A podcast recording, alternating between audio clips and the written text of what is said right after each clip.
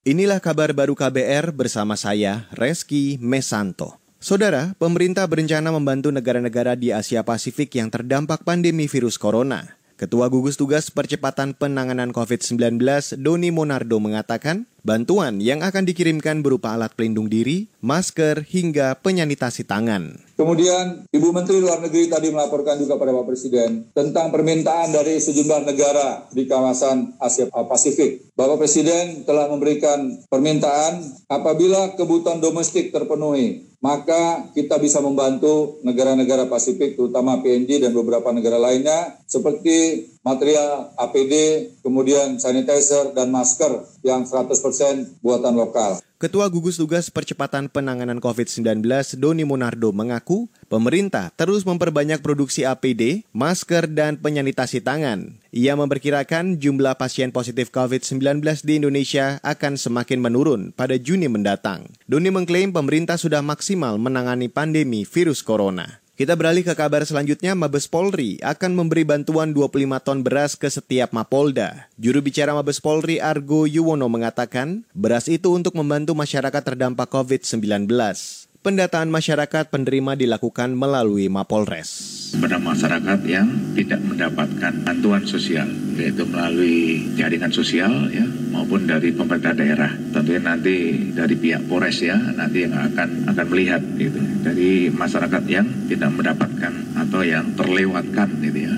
Jadi nanti itu dari pihak Polres ya dan kemudian dari Polda juga ada. Itu instruksi dari Bapak Kapolri Juru bicara Mabes Polri Argo Yuwono menambahkan, bantuan beras itu berasal dari hasil realokasi anggaran Polri untuk penanganan pandemi COVID-19.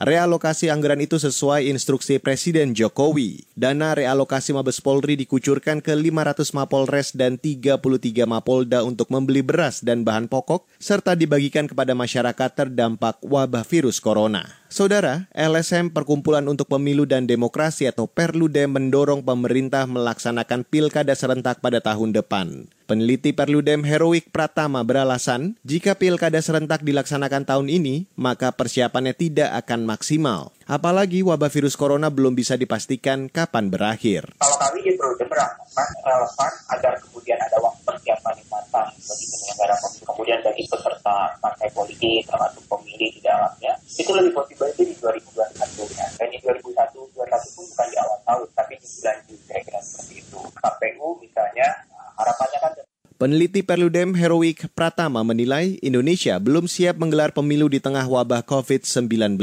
Sebelumnya, pemerintah dan DPR sepakat menunda pilkada serentak yang semula 23 September menjadi 9 Desember 2020. Penundaan dilakukan karena ada wabah virus corona. Kita beralih ke kabar mancanegara. Pentagon merilis tiga video pendek yang menunjukkan fenomena udara tak dikenal atau UFO. Video direkam pada 2004 dan 2015 di California Selatan. Satu video memperlihatkan benda terbang tak dikenal yang bergerak cepat di atas awan saat direkam menggunakan kamera inframerah.